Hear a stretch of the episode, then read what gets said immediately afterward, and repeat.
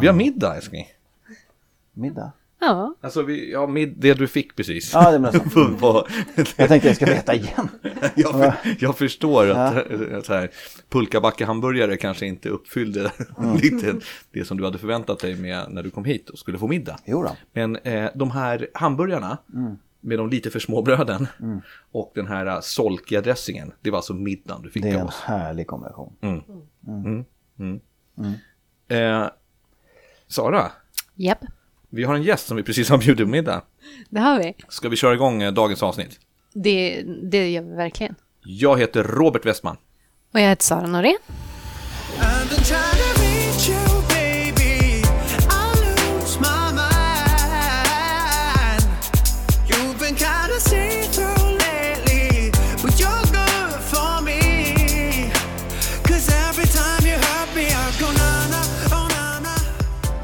Välkommen till relationsdesign med mig, Robert. Och mig, Sara. Det här är ju podden där vi pratar om allt möjligt som har med relationer att göra. Eh, och idag, hör du! Vad händer idag? Idag har vi vår första gäst med oss. Ja, och vi, vi har precis bjudit på middag. Ja. Så, och kan inte du berätta lite för de som inte lyssnade i början, vad var det för häftig middag vi bjöd på? Pulkabacke hamburgare var det. Även kallad eh, städdag i föreningen. Även kallad ehm, Hej, jag jobbar på Kramo, jag kommer ut till bygget och bjuder er på någonting. Exakt. Eh, har jag glömt något? Sibylla kan man kalla det för också. Ja, eller så här, vi är ett fotbollslag och står utanför ICA hamburgaren. det, är alltså, det består av eh, standarden, det här pratade de om på P3 också, så att Linnea Wikblad, det här är till, till dig. Eh, det skulle alltså vara strimlad isbergssallad, någon solkig rosa dressing, eh, ett kött som är lite för stort för brödet och brödet ska väl även vara lite fryst va, i mitten. Har man inte den perfekta pulkabacken? Helst. Ja, där har vi den. Så eh, varsågod, Marcus, som gäst idag. Eh, och välkommen. Eh, tack, tack. Eh, För Mar- både och alltså, både middag och... Ja, precis. Väl, välkommen på denna middag och som poddgäst. Mm. Hörru du, vi har ju bjudit hit dig idag i egenskap av helt vanlig person som har skilt dig. Mm. Kan vi, kan vi, Helt vanlig. helt vanlig Ja. skild person. Mm. Eh, vi brukar ju träffas ibland och prata lite känslor och, och, och ansvar och eh, lite maskulina och feminina energier och sådana där saker. Mm. Eh, och dagens avsnitt tänkte vi faktiskt skulle handla lite om hur man hanterar separationer och, och sorg och, och det som medföljer i, i kanske en skilsmässa. Jajamän. Eh, så berätta lite, vad, vad, hur, länge, hur länge har du varit skild? Eh, skild... Alltså, jag var gift innan då. Det är nästan nio, vad kan det vara, nio år sedan som jag skilde mig. Och sen eh, har jag separerat från ett, eh, ett förhållande som höll några år, i, ganska nyligen, i alla fall i, i år. Just det. Eh, Det är väl den. Det är inte jättemånga separationer kanske som jag gått igenom, men ändå liksom eh, reflekterat över hur det liksom har påverkat mig på något sätt. Just det. Jag har en, en, en fråga som jag tror dyker upp hos många. Och som, jag, jag kommer fråga den rakt ut, den kan tyckas vara väldigt knäpp. Men är det skillnad på att skilja sig än att bara göra slut? Eh, nej. Det skulle jag inte säga. Jag tänkte mest på att använda ordet skilja sig. Mm. Mm. Mm. Nej, inte skillnad. Kan det vara så tror du att, att människor i allmänhet tycker, eh, lägger mer värde i ordet skilsmässa? Att det skulle vara mer värde i att ha varit skild och separera eller bara separera ifrån en vanlig, vanlig relation? Förmodligen. Alright, så hur gör man nu då? När man separerar. Ja, eh, då menar jag inte rent praktiskt, men har du nå- nu har vi ju dig i egenskap av expert och expert kan man ju vara på grund av att man faktiskt har gjort det som man pratar om. Mm. Eh, och nu har ju du faktiskt skilt dig. Ja. Hur undviker man att gå sönder i onödan? Vi börjar där. Eh, alltså det, det optimala situationen skulle väl vara om man inte, om man lyckades och inte ta någonting personligt. Vilket kanske inte jättemånga som lyckas med. Okej, och vad är Eh, personligt? nej, men just att, att den, det är ofta så att man liksom om man nu ska separera, att det är alltid no- den som, den som, om det nu inte är ett gemensamt beslut, kanske inte är, eh, det händer väl i och för sig relativt ofta, men om det inte är det så är det i alla fall någon som tänker lämna den andra. Eller har någon, eh, känner att man inte är lycklig i förhållandet, eller vad det kan vara. Mm. Eh, och då måste man ju, eh, ja, nu kommer inte ihåg hur du formulerar det. Vad sa du? Varför? Nej. Hur hur, undvik- undviker man? Mm. Bra. Ska vi ta det från början direkt, helt eller? Ja, det blir ju rörigt. Mm. Ehm, jo, i alla fall, den som eh, vill separera med någon eh, har, ju, har ju sina anledningar till det. Att man känner att man inte är lycklig eller vad det nu kan vara. Eh, och att alla ska ju liksom, eh, man har ansvar för att vara lycklig själv. Så att man måste ju ändå göra det valet kanske, att separera från någon. någon sådär. Men att man inte då, man måste fokusera på sin egen anledning till att, man vill separera. Och, och, och kanske kommunicera den på ett bra sätt. Så att man inte lägger skulden bara på den man lämnar. För det är ju inte, eh, det är klart det kan finnas saker som man stör sig på, det kommer ju alla göra. Men det är ju inte det som är egentligen själva, det kommer ju inte vara avgörande förmodligen. Eh, tänker jag. Vad kan man göra då om man är den som blir lämnad? För då, då tänker jag så här att då har ju en, en annan person tagit ett beslut åt en eh, som är ofta väldigt livsförändrande. Men samtidigt så kan du kanske inte förändra den, den personen som har tagit beslutet. Men hur tänker du? Vad kan man göra? Har du några bra tips på hur man kan hantera situationen som den som blir lämnad? Ja men lite, lite det där att, att, inte, att man ska försöka och inte ta det så här superpersonligt. Det är ju kanske omöjligt helt men om man nu ska verkligen eh, distansera sig från den grejen. Men just att inte tänka att, eh, för det är lätt att ta på sig skulden tänker jag. Och det är att man, att man försöker inte göra det utan man är helt enkelt bara, eh, vad ska man säga, att man, man, man får liksom bara acceptera att den andra personen inte var lycklig och behöver göra någonting, någon förändring i livet liksom. Eh, och att det inte behöver bero på något man gör fel. Liksom så. Just det. Men acceptans, det tror jag också är en, ett nyckelord eh, i egentligen alla processer. Att det är först när vi kan acceptera en situation så som den är som vi kan börja arbeta med oss själva. Eh, tänker jag. Eller hur tänker ni? Mm. Jag skulle vilja lägga till också att hur man reagerar som så att säga den som blir lämnad, det har ju med att göra hur, hur smidigt den andra sköter det. Mm. För det är ju svårt också att inte ta det personligt Mm. om den som lämnar dig säger jag lämnar dig på Mm. grund av att du är så här, så här, så här och så här. Mm. Eller att du aldrig, eller du minsann, liksom, man lägger över skuld. Mm. Eh, och man kanske, den som lämnar kanske inte tycker att man skuldbelägger. Den kanske tycker att den ger anledningar. Mm. Så här, det funkar inte längre för att du diskar aldrig. Mm. Eh, och och det, det som man hör som mottagare det är det, okej men jag är den som inte diskar då, du lämnar mig. Och då, precis, då tog det slut på grund av det. Då tog det slut på grund av det och det är ju väldigt, väldigt tragiskt Mm. för då har man ju verkligen inte jobbat med någonting annat. Men, men det var ju ett, ett, eh, ett exempel bara. Mm. Men det jag försöker komma till är så här, hur undviker man då att ta det här personligt? För det är ju faktiskt en, en ren, eh, ren beskyllning ibland. Mm. Eh, ja men jag vet ja det är ju en jävligt bra fråga. Hur ska man veta det? Tack, Men, men, eh, men jag tänker just det där att, att, ja, men att, att ändå, det, alla ska ju acceptera, den som, den, som, den som lämnar måste ju acceptera att man känner som man känner. Och den som blir lämnad måste acceptera att det är inte, att det är ändå den, den som lämnar som har av någon anledning valt att göra så eller att ta det beslutet. Eh, och att man kanske inte ens kommer förstå. Det är också en svår, eh, jag tror att alla vill ju förstå varför man blir lämnad. Att man ändå vill få eh, veta om man hade liksom en, eh, en del i skulden eller om man var hela orsaken eller vad det nu kan vara. Att man har den, man har den tanken och så vill man få den bekräftad på något sätt. Mm. Eh, men om man ändå, om man bara kan acceptera att det inte, man kanske aldrig kommer förstå helt enkelt. Och att den som lämnar kanske själv inte vet varför. Så kan det också vara. Precis. Man, bara man vet bara att man behöver en förändring liksom. Mm. Ja, då, och då är vi tillbaka till det här med acceptans.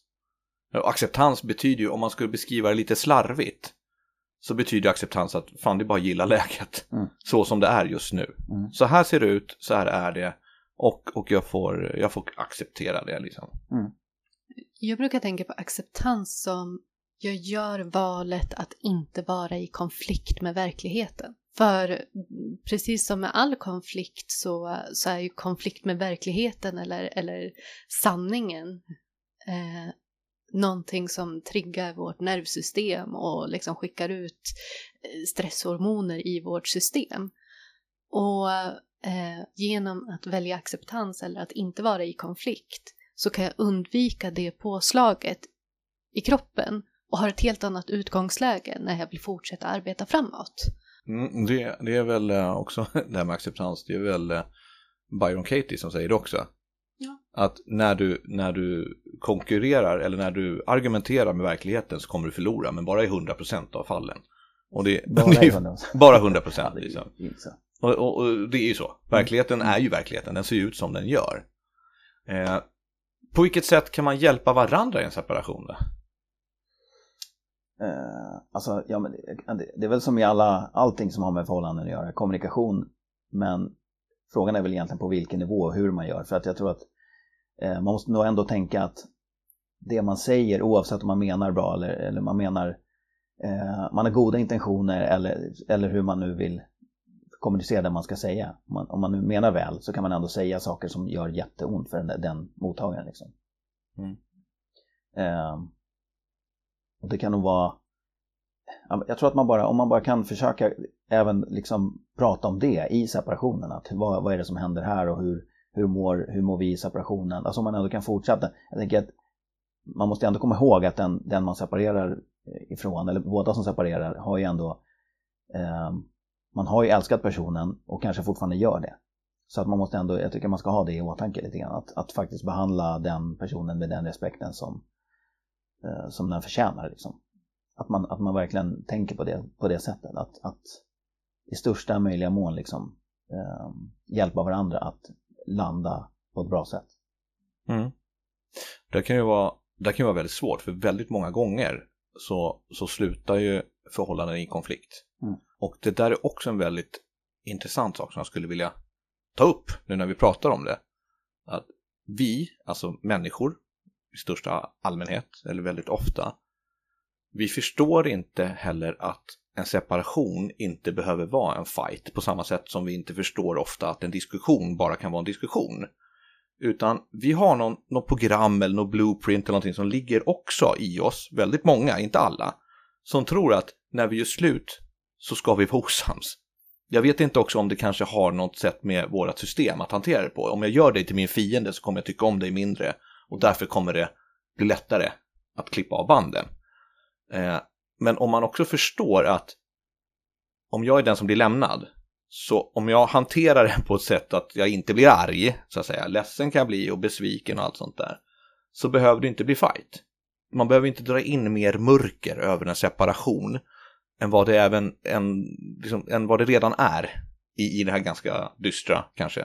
Det behöver inte vara dystert heller, det kan ju vara toppen separation. Min senaste separation var dunder, tänkte jag säga. Det var en riktigt bra separation. Vi, vi valde bara att gå skilda vägar. Om man är den som lämnar, tycker du att man har någon sorts ansvar för den andras lycka? Vi har pratat mycket om att man ansvarar själv för sin egen Mm. lycka.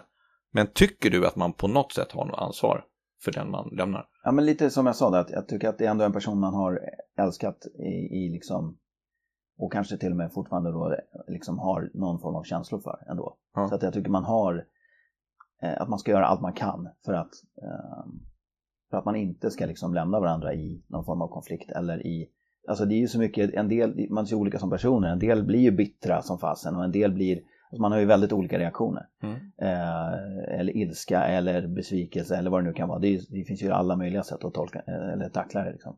Men ehm, eh, man kan nog, det känns som att man borde kunna hjälpa varandra så, så mycket det bara går. Att, att liksom, det går ju inte att, som sagt, det är ju helt omöjligt att inte ta det personligt. Det är omöjligt att inte liksom vara besviken. Det är om, alltså då, man, men det handlar ju bara om någon slags eh, liksom, dosfråga där. Att hur, hur illa är det och hur, hur, hur kan man liksom, att man är överens om hur man ska göra också med alla, alltså om man ska höras eller inte efteråt. Eller, alltså det är mycket detaljer som kan avgöra också. Ja, för det var, det var ju så den här, eh, just temat i dagens avsnitt började. Du och jag, vi, för er lyssnare som inte vet det, så Marcus är min bäste vän. Och, eh, så vi pratar väldigt, väldigt mycket och vi pratar ofta om, om känslor och, och hur man hanterar det och hur man tar ansvar och hur man också kan välja sina beteenden och, och, och sådana där saker. Eh, men det började med sådär att, att när idén föddes till just det här avsnittet så pratade vi om också så här, hur kan man liksom minimera eh, skadan? Alltså utan att man blåser upp det, utan att man ramlar ner i ett svart hål, utan att det blir konflikter när någon står utanför någons balkong och gapar. Alltså hur, hur liksom kan man eh, lindra det så Mm. att det inte behöver göra mer ont än vad det gör. Så det var därför vi sa så här, men kom hit och så pratar vi om det, så spelar vi in. Och äter pulkabackeburgare. Jävla bra kombo. Eh, Så då kommer jag ju till själva frågan liksom också sådär, eller diskussionen som vi kanske ska ha idag. Och det är ju där, hur minimerar vi det? Och också då att den som lämnar tar någon sorts ansvar eller liksom för sina känslor eller så. Det är ju bara en bonus. Vi måste ju alltid räkna med att den människan inte kommer bry sig om mig. Och då, då står vi ju själva kvar. Och hur gör vi då? Har du några konkreta tips eller hur, hur har du gjort? Eh, alltså jag vet inte, jag- det känns som att jag har nog letat efter bra grejer att göra. Så här, allt från, från eh, meditation till, eh, det har inte riktigt funkat för min del dock, men, men att ja, men sk- skriva dagbok till exempel göra. Om, jag, om man nu sitter och sådär tänker mycket och eh, ältar saker, det är ju lätt hänt. Eh, så, så brukar jag skriva fram, jag brukar skriva ner liksom vad jag kommer fram till i, den, i det där ältandet. Att man ändå får ut någonting av det så att det inte bara blir en, en evig loop liksom. Ehm, nej men sen är det väl alltid, jag tänker det, det är väl som när, när man mår dåligt av, oavsett varför man mår dåligt, om man försöker vara lite snällare mot sig själv i tanken också, att man kanske ger sig själv lite så här, eh, försöker boosta lite istället för att bara tänka att allt är skit hela tiden och sådär. Mm. Ehm, men det funkar, ja, det funkar väl för det mesta bra, men ibland så, det kommer att gå lite grann. Mm. Sen beror det på vilken typ av, alltså man kan ju vara olika personlighetstyper. Jag tror att jag, att jag, alltså jag kan nog ha sådana där, bara att i perioder är, för generellt sett skulle jag nog säga att jag är liksom glad och positiv. Mm. Men att eh, just i sådana här eh, liksom skeden i livet så är det inte alltid det går liksom. Så då får man försöka hitta sin, sin, sina metoder för att ta sig framåt liksom. Precis. Kan det inte också vara viktigt att, att tillåta sig själv att få vara ledsen också? Eller att få vara arg? Att ofta så upplever jag att vi kan vara väldigt rädda för att känna mer utmanande känslor och att det blir nästan en liten stress att shit, här kan jag inte vara, här är bara mörker och, och tungt och jobbigt och så är det som en panik därifrån. Medan de känslorna är precis lika viktiga att känna som glädje, kärlek, tillfredsställelse. Att vi behöver båda delarna för att, att upplex, uppleva komplexiteten i tillvaron också. För utan de känslorna eh, som är utmanande så är de andra inte värda någonting. Och dessutom så kommer ju de med lika mycket information som de glada känslorna eller de, de mer härliga Mm. känslorna, eh, tänker jag. Mm. Ja men det är väl, alltså, eh, ja, jag vet inte, för min egen del i alla fall, så jag tror att jag har blivit bättre och bättre på liksom låta mig vara ledsen med lite så här, ja men det kommer lite med åldern också kanske, eller att man går igenom olika saker i livet. Det kan vara allt från att man får barn till att någon dör, eller alltså det kan vara lite av varje. Mm. Som ändå bygger på det där att man ändå inser att det är helt okej, alltså det är inte så farligt att vara lite ledsen heller. Det kan vara, eh, en del kanske kopplat till ångest eller till eh, alltså massa olika eh, känslotillstånd liksom. Mm. Men, eh, men sen också att, eh, jag menar att vara arg, jag är jättedålig på att eh, tillåta mig själv att bli arg. Jag tycker, Mm. För att jag tycker att det är så onödigt Mm. oftast. Så att jag kan vara väldigt, hålla emot väldigt mycket, Mm. att, att bli arg. Så. Ehm, jag pratade med en annan kompis häromdagen som också går igenom en separation. Mm. Som ha, hade insett precis samma sak. Han har liksom inte varit arg på hur länge som helst. Mm. Och måste ändå tillåta sig själv att bli arg när han känner att det liksom är, eller att alla, så- jag vet inte, det, man kan ju välja den, ha, alla kan ju inte välja dock, men Mm. Om man nu har den för, förmågan att kunna välja sina, liksom, eh, hur man, hur illa det blir i alla fall. Mm. Hur upprörd man blir över någons agerande eller vad det kan vara. Mm. Men ibland kanske man faktiskt måste låta det där eh, komma, i, alltså komma ut, att man verkligen säger ifrån ordentligt. Och det kan vara, alltså, det kan vara samma sak i en separation till exempel. Att ibland Mm. kanske man måste säga ifrån eller att man måste, alltså, ja, kommunicera helt enkelt. Det där är ganska svårt för att vi, när vi coachar så pratar vi om dels att man kan välja sina känslor, det går ju alldeles utmärkt. men vi säger ju också, som du, som du var inne på nu alldeles nyss, att man har ju rätt att känna det man gör för stunden. För det är ju så man känner. Är du arg så är du arg. Då kan inte jag säga till dig att sluta vara arg. För att du är ju arg. Eh, och som vi har pratat om tusen gånger förut också, att just känslan arg eh, brukar oftast ha en, ett, alltså olika metatillstånd. Eh, det pratar man mycket om i, i, i liksom KBT och i kognitiv eh, metakognition som det heter, att man har en tanke om en tanke. Och just ilska och arg brukar ju oftast vara att den, eh, det är den primära eh, känslan. Men det ligger ofta sorg bakom ilskan till exempel. Mm. Och då kan man ju bli, du kan vara arg och sen så blir du besviken på att du blir arg och så blir du ledsen för att du blir besviken och sen är det plötsligt så ett jävla kluster av massa konstiga liksom, metakänslor. Eh, så att då är det bättre att hålla det arga rent. Var arg, liksom. Mm. Inte ledsen arg eller inte vara eh, besviken ledsen. Utan eh, det är lite lättare kanske att, reda ut de där känslorna också. På något sätt. Det är väl lättare att komma ur det också. Om, man nu är, om det nu är så att det egentligen är arg man är, Mm. men man går och letar efter, ja men jag kanske är ledsen eller vad det Mm. kan vara. Men det, man kanske behöver komma till det där arga tillståndet för att komma ur det. Liksom. Ja, men Precis precis. som om man är ledsen kanske man behöver gråta en skvätt för att Ja. komma ur den. Eh, För ofta så. um, för det är ganska intressant att du säger det, att ibland behöver man vara arg. För ofta så brukar vi jobba åt andra hållet. Eh, speciellt folk som är i, i, i, i sorg och som visar ilska. Ofta så är det tvärtom, att eh, det ledsnar de med, men de visar det genom att vara arg. Så att det är bra och, och att du påpekar också att det kan ju vara åt andra hållet. Mm. Du, du kan ju faktiskt bara vara arg. Arg, som fan. Men Mm. arg beror ju oftast på någonting. Besvikelse eller sorg. Liksom. Vi pratade om doseringen, alltså styrkan. Hur arg ska man vara? Och hur länge, är väl frågan kanske. Alltså vara arg länge känns ju jätte... Alltså bitterhet generellt känns det som en ganska så här destruktiv grej som inte ger någon... Att vara, som, att, att vara arg en kort stund bara för att få ur sig eller att kanske kunna eh, vara supertydlig med någon som man är arg på eller vad det nu kan vara. Men, men det där långsiktiga, bittra och sådär, det känns som att det är... Jag, vet, jag kan inte se någon, någonting användbart alls. Så att, någon korta, alltså, en- att vara, alltså en kort stund arg eller så, det är ju liksom, det känns ju rimligt på något vis och kanske användbart men eh, inte på, på lång. inte. Nej, Inte vi kan ju också tipsa våra lyssnare om att, att eh, är du besviken på en partner som kanske har gjort någonting dumt eller lämnat dig, att du går runt och är sur och bitter och ältar kommer inte få den andra att må sämre heller. Så det betyder att först är du arg, ledsen och besviken på att du har blivit lämnad. Sen går den där rackaren eh, runt med sin nya tjej eller kille och är lycklig. Mm. Medan du sitter och är fortfarande arg och sur. Och det vill man ju inte bjussa dem på. Så att det är lite det här talesättet, det är- det är som att käka gift och förvänta sig att den andra ska dö. Liksom. Mm, Så att, att sitta och vara bitter och, och liksom självömkan och vara sur och älta saker, det, det hjälper ju absolut inte. Och det kommer absolut inte få dig att få tillbaka någon eller komma vidare överhuvudtaget. Liksom.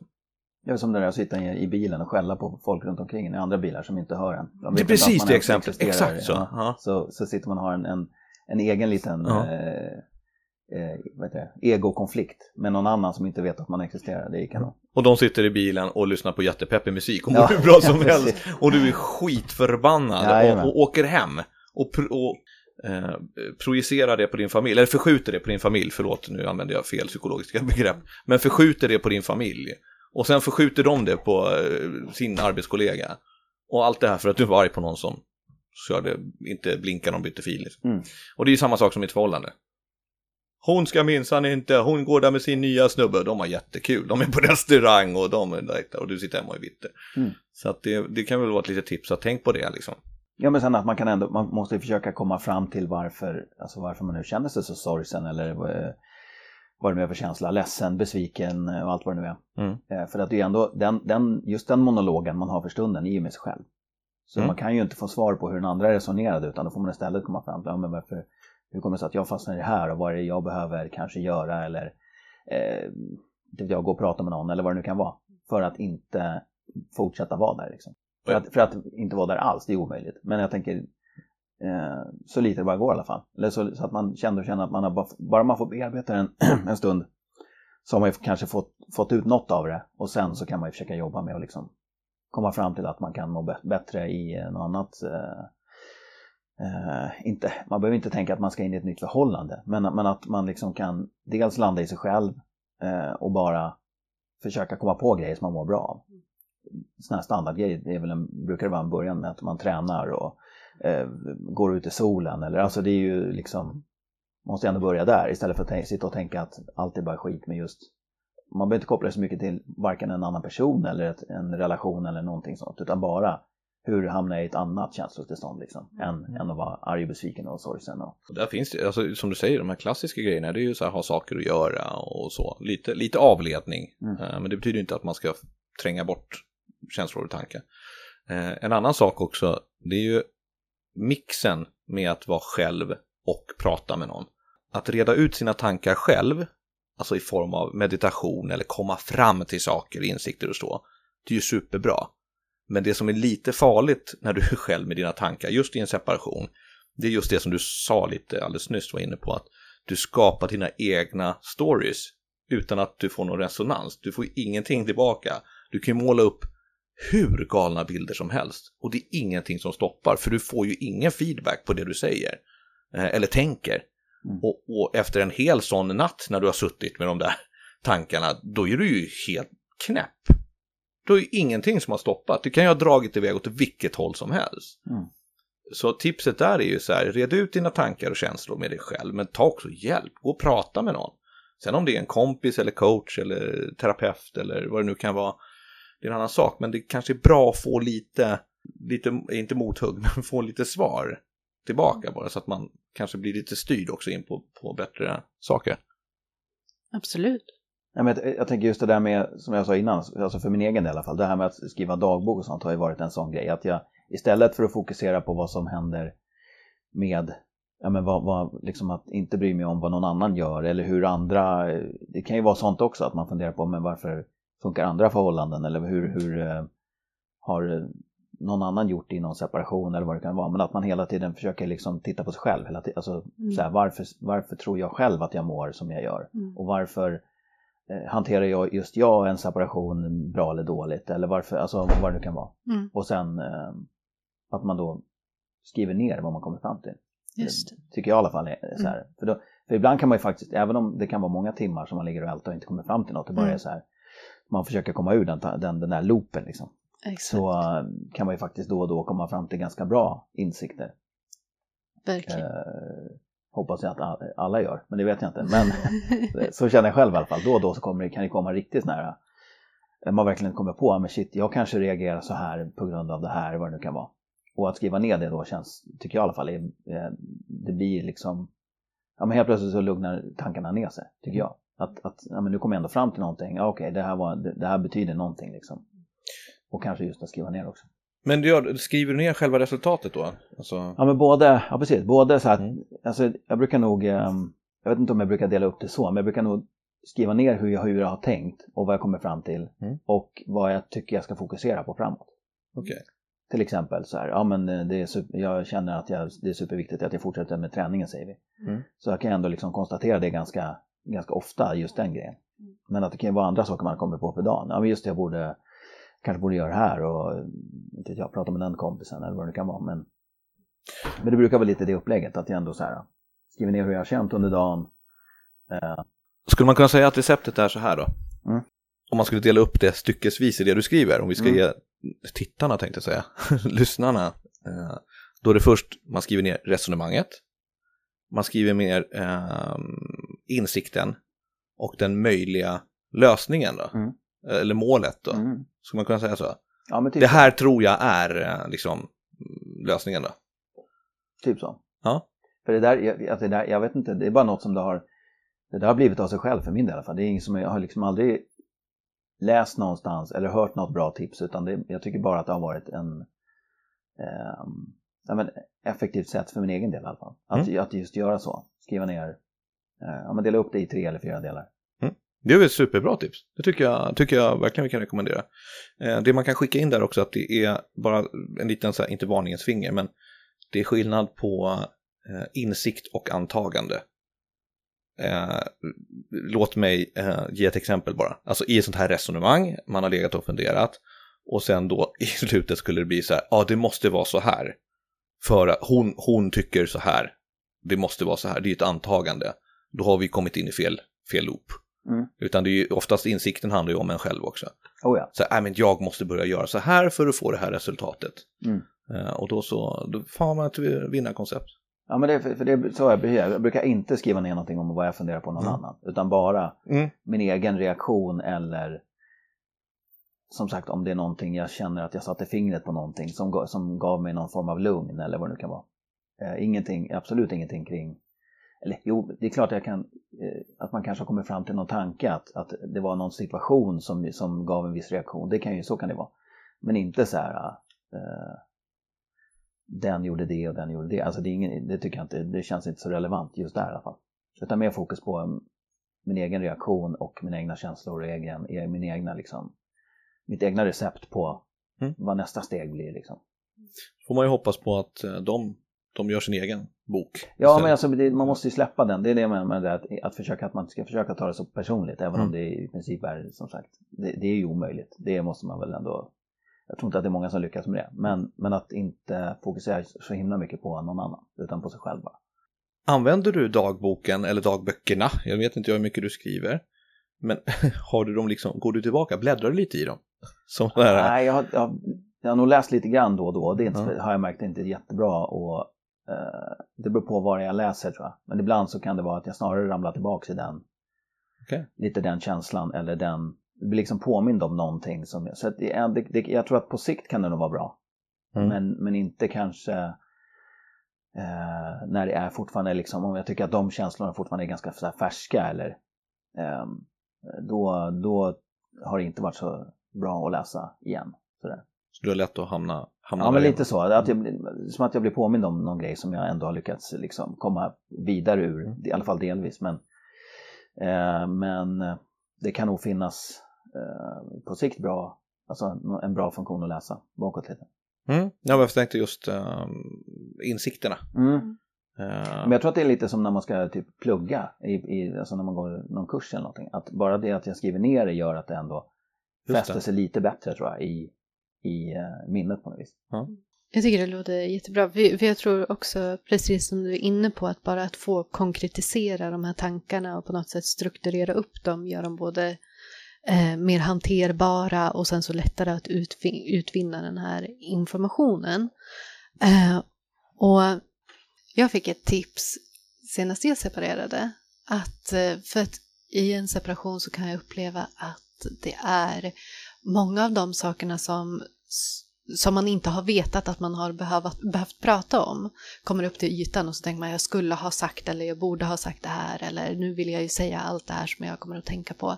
Att eh, istället för att upprätthålla eh, kontakten med de sakerna som egentligen bara jag behöver säga för min skull, att skriva ner dem istället. Som att jag pratade med, en, med min före detta partner, fast jag skriver bara ner dem så att jag får liksom bearbeta de ämnena.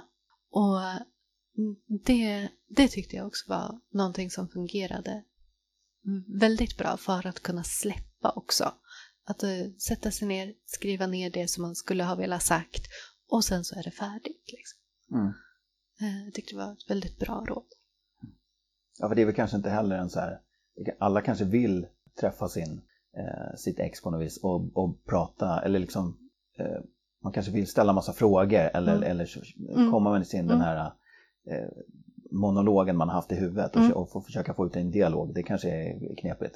Ja men precis. Kanske bättre då, eh, ja. Um, få det ur sig Mm. men ändå inte, eh, inte skapa bråket utan bara få det ur sig Mm, utan att mm. någon blir skadad på vägen. Ja precis. Och sen så kan man ju upp känna... Ja, precis. Sen kan man ju känna att om jag har fått det ur mig men det fortfarande är någonting som jag behöver prata igenom med den andra personen, då kanske det är värt att ta upp ämnet. Mm. Men eh, eh, ofta så har jag känt i alla fall att bara man får skriva ner det så, så känns det väldigt bra. Mm. Så jag är väldigt tacksam över det tipset. Mm. Hoppas att någon annan kan, kan få användning för det också. Vi håller på, ehm, om ni lyssnare tycker att vi håller på att hatta lite fram och tillbaka det här, jag ska klippa det så bra som möjligt. Vi har en, en mikrofon som håller på att lägga av här. Så om ni hör något konstigt surr så är det inte spöken. Eller det vet vi inte. Det kan det ju faktiskt vara. Hörde du Marcus, vad gör du nu för tiden tänkte jag säga. Är du i en relation nu? Nej, det är jag inte. Nej. Och mobilnumret Eh, här. finns Nej, men jag tänker väl att jag ska... Alltså, jag vet inte, alla har ju olika sätt att hantera det där, men för min del så känns det som att det är... Eh, jag, vill, jag tänker att man ska försöka vänta, eller jag vill försöka vänta på något sätt tills det där surret lite är borta. Liksom. Innan jag känner att jag landat i varför jag själv tycker att det är... Eh, eh, jag vet inte om, det är svårt att veta hur andra reagerar i separationen, men jag får för mig att jag tycker att det är liksom, lite knepigare än många andra verkar tycka att det är. Mm. Av någon anledning. Eh, och då känner jag att jag behöver liksom verkligen eh, ja men att det där ska komma över vet jag inte om det är rätt ord men att, att det liksom ska ändå, att någon form av lugn i, i mig själv liksom. Inte bara försöka hitta någon för att jag ska hitta, ha något annat att tänka på för det tycker jag är någon slags nödlösning utan mer faktiskt eh, ja men lugn i tanken innan jag ska liksom, träffa någon annan och börja. För det, det är också så här, man ska ju ändå gå in med eh, vill ju gå in med rätt inställning och rätt liksom, eh, energi eller vad man nu ska kalla det för. I Mm. att typ dejta eller vad det nu är, alltså hur man nu går tillväga. Men eh, istället för att sitta och klura över att eh, vad, var det som, vad var det nu som gick fel egentligen förut så att, så att jag inte hamnar i den fällan igen. Det kanske man ska ha redan kommit fram till istället. Mm. Men du, ehm, du, vill, du vill dejta? Alltså är du en förhållande, förhållande Ja, men det människa? har jag nog kommit fram till att jag verkligen är. Mm. Jag tycker att det är en, eh, ja men liksom en eh, behaglig tillvaro på något sätt. Och ett, ett, en bra så här, ja men det ger mig ett lugn i alla fall att ha den där liksom team, teamkänslan och eh, någon slags eh, tillhörighet och eh, alltså vänskap, allt det där som jag tycker att eh, ganska klassiskt tror jag i hur ett förhållande ska se ut. Ja, och som du sa, när man, när man får det att funka Mm. så har man ju också en lite, inte alltid ett lösning tänkte jag säga, det låter så slarvigt uttryckt. Men, men man har en bästa vän och man har en partner, man har en lagmedlem. Sen ska man ju självklart ha kompisar och vänner och, och liksom andra människor runt omkring sig också, för annars så isolerar man sig och Mm. det blir inte bra heller. Men, men eh, det, jag tycker som du, väldigt eh, behaglig tillvaro Mm. att, att veta att man har det. Och det men det, det är inte för alla heller. Nej. Det finns ju de som Det trivs otroligt bra med att vara singel och Mm. självständiga och leva, leva själva. Mm. Eh, och, och det är ju okej det också. Det är, det är bara så ja, hur, hur, vi fungerar som människor. Eller som individer ska jag säga. Människan vi vill ju oftast ingå i något sorts sammanhang. Eller flock. Mm. Eller någon sorts intimitet. Sen hur mycket ofta och inte det, det, det är ju på individnivå. Hur dejtar man nu för tiden? Ja, väldigt bra fråga. Jag Ja. tycker att det känns... Eh, jag vet inte, jag tycker det är lite rörigt. Jag tror att Är det? ja, men det, är så här, det finns någon slags... Eh, nu för tiden antar väl att folk att det är någon typ Tinder eller någon app som gäller. Ja. Men eh, om det är liksom en bra eller dåligt sätt, det tror jag nog inte som, det, känns som att inte folk har koll på Okej. generellt. Om det är så eller inte. Utan det är mer som att så är det bara. Det är så man ska göra nu för tiden. Okej. Får jag känslan av i alla fall. Ja. Men ehm, det måste ju finnas något, något bättre. Ja, Alltså vi ska inte, vi, vi, vi Eller fokuserar. alternativ i alla fall. Ja. Vi ger ju, Ska vi knäcka det idag? Eh, Ska vi ta? ja men precis, nej men vi ger ju datingråd Ja. i form av, alltså det rent kommunikativa. Mhm. Sen hur man, vad ska man säga, fiskar, det, det lägger inte vi ner någon värdering på. Mm. Just när vi kanske coachar eller tipsar om, om datingtips, utan vi pratar ju om hur du för dig, rör dig, talar och känner när du dejtar. Sen om det sker via text i en app eller om du står med en skylt på Sergels torg eller om det är liksom det är Men vi kommer ha ett, ett avsnitt faktiskt som handlar om, om dating. Eller vi kommer ha två, vi ska göra två stycken temaavsnitt. Det, ett är ju med rena dating, av, av, alltså datingtips. Uh, och ett är, uh, jag och Sara ska på en väldigt intressant dejt som vi ska uh, recensera sen i, i, i avsnittet. Det kommer bli skithäftigt, det kommer ni verkligen vilja höra, kan vi säga, redan nu. Mm. Mm. Hur känns det att vara första gästen i en av Sveriges mest exklusiva relationspoddar? Ja, fantastiskt. Exklusivt. Ja, precis. Jag känner mig privilegierad på alla sätt. Ja, just det. Ja. Nej, men det är kul. Ehm, Alltså jag tänker, relationer är ju liksom en, uppenbarligen en eh, svår grej. Eh, eller inte svår kanske, men det är ju uppenbarligen så här eh, komplicerat på, på olika nivåer. Det är många, alltså eftersom det är så otroligt många eh, förhållanden som, som slutar i någon form av separation så är det ju ändå, det finns ju ändå någonting som gör att vi eh, lyckas olika bra eller misslyckas olika mycket eller vad man nu ska säga.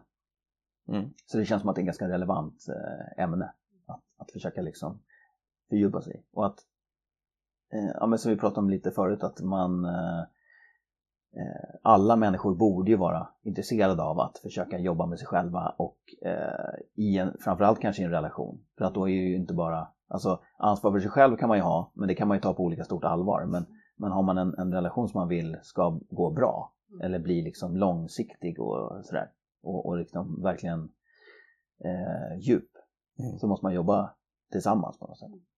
Vi har ju en ganska bra beskrivning eh, på, eh, vi, vi, vi eh, marknadsför oss ju som, vi coachar par som vill ta sitt, sin relation till nästa nivå. Och eh, Sara fick ju frågan senast igår, vad är nästa nivå? Mm. Eh, så. Eh, Det är nummer två. Ja precis, det är nivå två. Ja, det är nivå och så sen är det bara så. Sen är det. Ja. Ja, det förstår du väl.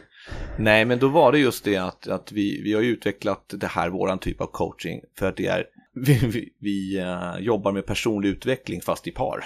Man säga. Alltså Mm. parvisning. Mm. För att det handlar om att utvecklas som par. Mm. Och just nu också, som vi har pratat om tidigare, så är det så oerhört stor fokus på personlig utveckling. Eh, Man går kurser i att man ska klara sig själv och ensam är stark och man utvecklas som person och just det här som vi är inne på, ta ansvar för sin egen lycka och så. Mm. Men det slår nästan över åt andra hållet så att Mm. vi är på väg att skapa ett gäng narcissister Mm. som bara går runt och så. Och sen har man varit på kurs i det här, kommer man hem till sin relation och bara skiter väl jag i, jag gör ju vad jag vill. Mm. Och så har man missuppfattat hela grejen med en relation. Mm. Så att vi säger vi, starka individer skapar eh, kraftfulla relationer. Så stark först, men sen måste ni fan utvecklas tillsammans också. Ni Mm. kan inte gå runt och vara så självständiga så att ni inte ens lyssnar på varandra. För då, då, då är det någonting annat. Mm. Liksom. Då, då lever man ju bredvid varandra. Och, och tappar liksom det här med respekt och, och anpassning och kompromisser och allt sånt som det, vad det nu kan vara. Liksom. Eh, så att eh, som du säger, det är otroligt viktigt att utvecklas tillsammans. Det, det, och det är det som är det roliga, det är det som är det härliga i, eh, i ett förhållande. Men jag tror att, sen är det väl också så här, jag tror att vi har med oss en, det, det är allt från eh, som traditionella könsroller till lite modernare könsroller, hur man ska kombinera dem, för det är inte alltid så lätt. Det kan ju, de, de krockar ju gärna med varandra. Mm. För att man kan ju tycka att o, olika saker i det där är attraktivt till exempel. Mm. Men man förväntar sig ändå att hela paketet ska finnas i ett förhållande sen. Så att det, det, jag tror att det där kan vara en, en grej som krockar. Och sen även så här, bara hur, hur förhållanden såg ut förr hur de, mot hur de ser ut nu. Förut var man nästan tvungen att vara tillsammans med någon för att kunna överleva liksom, rent ekonomiskt och eh, socialt och allt vad det nu är. Medan nu för tiden så klarar de flesta sig alldeles utmärkt själva. Man kan Mm. bo själv, man har råd att överleva själv. Man, alltså det, det, det finns egentligen, det är inte ett måste ha en relation, men det kanske ändå är något som de flesta vill ha. Mm. Så att det finns ju olika saker som, som gör oss lite förvirrade tror jag i det där. Eh, så att om man, man kanske, som sagt, en del måste ju kanske bara sätta sig ner och fundera. Så här, vill jag verkligen ha en traditionell relation eller vill jag ha någonting annat? Eh, Ja, för en annan beskrivning på det där är ju eh, just det här, du, du ska ju vara så stark individ i dig själv så att en pojkvän eller flickvän egentligen bara är bonus. Du, du klarar lika bra själv. Mm. Liksom. Men, men sen så fort du går in i relationen och det är en seriös relation, det är då man börjar jobba tillsammans också. Eh, och som vi så många gånger tidigare har sagt att det måste man vara beredd på i början. Om man verkligen, verkligen på riktigt vill ha en seriös relation. Så är det så här, nu startar vi det här projektet. Nu driver vi det tillsammans. Och då gör vi upp, upp också vem som gör vad och varför och, och så. Mm. Och dela upp för all del, om det är könsroller det handlar om, så dela upp det. Så säg det, jag gillar att diska. Så det behöver inte vara könsroller, det kan bara vara rollerna. Det har vi pratat om tusen gånger förut också. Mm. Vem gör vad och varför mm. och hur mycket. Det handlar inte om att göra 50% lika mycket av varje sak liksom. Nej. Det, det, det, det går ju liksom inte. Men att det någorlunda jämna lass är ju att... Ja, men då är det ändå bara själva uppgifterna, men då är man ju redan i. relationen Mm. och, och sådär. Men jag tänker, könsroller kan ju eh, göra det mer komplicerat redan i dating, eh, datingdelen.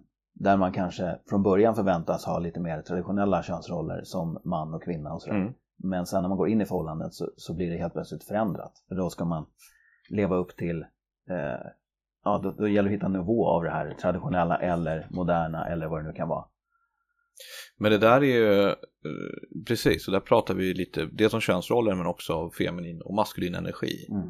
Just det här att många i heterosexuella förhållanden till exempel, många kvinnor gillar ju män som har koll och tar kommando, kanske betalar för middagen, jag hämtar dig då och då och då liksom och, och hela den där grejen. Men sen som sagt, det, och det är ju det är ju häftigt just i datingstadiet, men sen ska man in i, i relationen också och då ska du hålla kvar det här häftiga. Ja, det, det, det jag menar, det, det är därför jag tycker att det kan vara lite, så, lite, för, lite förvirrande tror jag för en del ibland. Eh, Eller för en del, för de flesta kanske. Att eh, hur ska man hitta den balansen i vad som är, och vad som ens är manligt eller kvinnligt. Bara den grejen är ju, det, det är väl ingen som vet vad som är liksom socialt skapat eller eh, biologiskt eller vad som helst. Mm. Så att jag menar, det, bara det tror jag ställer till det för jättemånga. Att vad är det man egentligen vill ha? Eller sådär. För det, det är lätt att säga kanske, ja men det är jätteviktigt att du, att du diskar lika mycket som jag gör. Eller, så. Mm. Men det kanske absolut inte är det som är egentligen eh, som, man, som man vill ha, eller som man stör sig på, eller vad man ska säga, Mm. utan mer det här eh, att någon, som ni säger, att någon kanske, någon kanske vill att den andra ska ta lite mer kommando Mm. eller liksom vara lite mer självsäker, vad det nu kan vara. Mm. Men det kanske är svårt att ens sätta fingret på att det är det som är viktigt. Mm. Utan då blir det så här, ja du diskar inte så ofta eller du gör, Precis. du gör inte det eller det. Vi har en hund som är otroligt intresserad av dig Marcus. Mm. Hon eh, tycker du är superhärlig. Det är för att du utstrålar sån maskulin energi. Mm. Jag känner att jag är singel också. Ja, hon kände det direkt. Hon är väldigt eh, social, den där hunden vi har.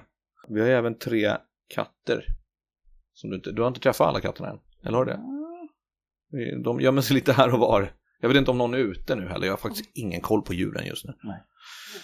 Gör det mig till en dålig husse? Det gör dig till en dålig man. Precis. Det, det, eh, jag, jag hade någonting jag skulle säga innan hunden ville krama dig. Mhm. Eh, och nu kommer nästa. Eh, nej men det var att det har varit väldigt intressant i vårt, eh, i vårt arbete också. Eh, för när vi har pratat med par eh, så har det också väldigt, väldigt ofta kommit fram att eh, det i början fanns väldigt, en katt som vill komma in, väldigt tydliga roller. Och att eh, det som upplevs som en utmaning i relationen längre in, att det är just att de här rollerna har gått förlorade. Eh, och, och Ja, de smetas liksom de smetas de ut. smetas ut, Ja, precis. Ja. För att där har vi också, precis som du var inne på tidigare Marcus, att eh, vi har föreställningar om att vi inte vill ha några könsroller. Mm. Eh, men sen så när vi går mot ett mer jämställt förhållande där det ska delas lika på allting så smetas de ut och då försvinner spänningen eller polariteten Mm. också. Eh, och med den också ofta attraktionen. Mm. Så det, är väldigt, alltså det är en väldigt utmanande tid att ha en relation i. Och det Mm. har det säkert sagts i alla tider.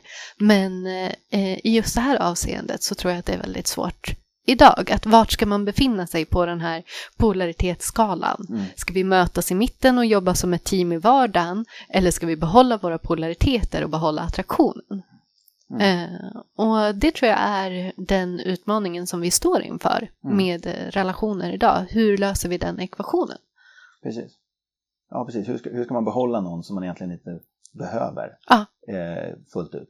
Ja. Men man, man borde ju, alltså hur hittar man en person som man vill vara med så liksom över en lång tid? något sätt? Precis, Det är precis. en viss skillnad. Ja. Och hur samarbetar vi tillsammans eh, och behåller attraktionen? Mm. Svår, svår Ja. fråga. Verkligen. Mm. Men eh, jag tror också att det är därför som det blir ännu viktigare att, att vi har sådana här samtal där vi Mm. pratar om både relationer och separationer och hur vi hanterar känslor och hur vi tar ansvar Mm. och, och så.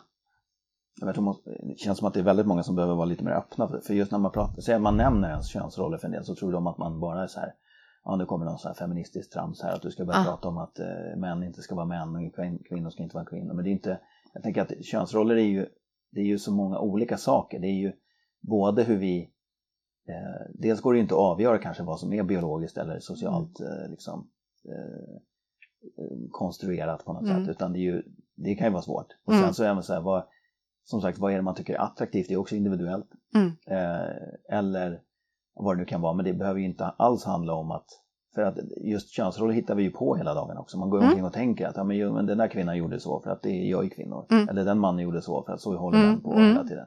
Och sen så när man då blir eh, motbevisad, säg att den där man trodde var en man vänder sig om, Mm. som man tycker gör någonting väldigt manligt, ja så var det en kvinna. Mm, då, då hittar man ju, försöker man hitta en ursäkt för att, det, det, den personen och då ska man helt enkelt byta fokus. Ja, det, var, det, var, det var inte sant längre att det var en kvinnlig grej eller Nej. manlig grej. Alltså det är så, jag tror att det där, alltså jag tänker det är, så här, det är en ständigt surr som bara, bara kring en sån sak. Så jag, Mm. menar, jag tror att vi gör väl antaganden om precis allt, inte bara könsroll utan alltså hur, hur en relation ska vara till Mm. exempel. Man kan nog gå flera år och tänka att vi är överens om hur den här relationen ska Mm. se ut. Mm. Och sen kommer det fram till sen att ja, vi, hade, helt, vi hade ju helt olika syn på eh, allt från hushållsarbete till vad det nu kan vara. Mm, mm, Eller vem som ska dra in mest pengar, det kan man, äh, Ja. inte jag, men någon sån här olika typer av föreställningar som man. Antar bara är sant. Liksom. Precis, precis. Som, som du brukar säga Robert, att vi har olika, olika kartor. Mm. Eh, och om man inte pratar med varandra så är det väldigt svårt att veta hur den andras karta faktiskt ser ut. Mm. Eh, eller man kan prata med varandra men det är inte säkert att man eh, ställer rätt frågor för att få reda på den informationen som behövs. Mm. För att förstå Ja, den andras inte- perspektiv. Och att inte vänta heller tills man börjar tycka att kartorna är lite trasiga. Precis. tidigt liksom. Precis, precis. Mm. Jag håller med. Och eh, jag tror att du pratar om könsroller och vad som är socialt konstruerat och, och vad som är biologiskt. Och där vi brukar ju försöka att undvika att prata om könsroller på det sättet i, i ett eh, socialt perspektiv eller sociologiskt perspektiv. Och mm, snarare försöka prata om de energierna, om man säger den maskulina och feminina energin eller den positiva negativa laddningen i, eh, i våra energier och beteenden och, och liksom aktiviteter som, som finns för att också försöka liksom komma ifrån det där för annars så blir det en, en bara en diskussion om, om diskussionen på något vis. Eh, att försöka hitta vart ligger, vart ligger laddningen eller hur skapar vi eh, polariteten. Och hur gör vi för att anpassa de energierna för att mötas och sen så för att eh, attrahera. Mm. Eh, att det, det är så som vi försöker att förhålla oss till det. Mm. Men det är, det är svårt för att det är också det är samma ord som används eh, när vi pratar om eh, sociala skillnader eller biologiska skillnader som när vi pratar om energimässiga skillnader. Så det är väldigt svårt för det finns inget eget anpassat språk för den sortens diskussion. Och det ställer till det en del, för då sker det ofta missförstånd. Intressant. Vi, blev, vi har ju som sagt djur här så jag vet inte om det där skället kommer igen. Det här är ju superintressant ämne. Vi kan prata om det tusen, Hur länge? tusen timmar till. Eh, Vi kommer prata om det, vi kommer ha med experter också i podden just på det här hur man hanterar det är sorg, separationer och sånt där.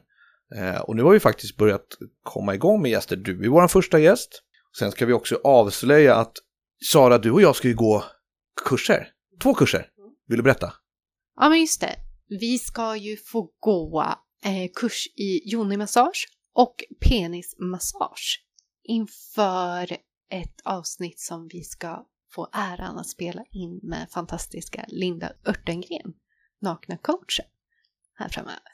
Det ska bli superspännande. Ja, gud ja. Eh, hon, hon är ju superduktig på det hon gör och har jätteroliga kurser.